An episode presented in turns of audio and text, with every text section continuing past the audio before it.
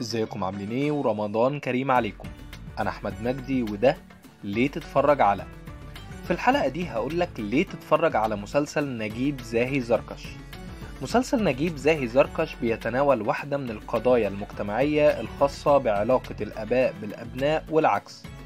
فالمسلسل بينطلق من شخصية نجيب زركش اللي عاش حياته طول الوقت لنفسه ولحريته ولكن بعد موت مراته بيكتشف إن ليه أبناء ما يعرفش عنهم أي حاجة. وهنا بتتحول شخصيته وبيحاول يجمع أبنائه خصوصا مع كبر سنه وحاجته لوجودهم حواليه.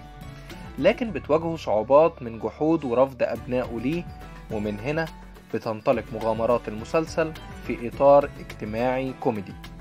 المسلسل هيكون من بطولة يحيى الفخراني ومحمد محمود وأنوشكا وإسلام إبراهيم ورامز أمير وكريم عفيفي وبتشارك هالة فاخر كضيفة شرف ضمن أحداث المسلسل.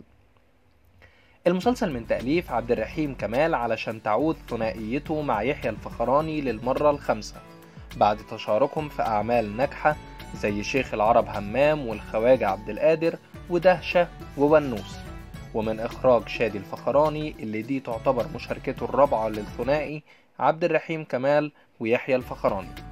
وبكده تكون عرفت ليه تتفرج على مسلسل نجيب زاهي زركش في رمضان 2021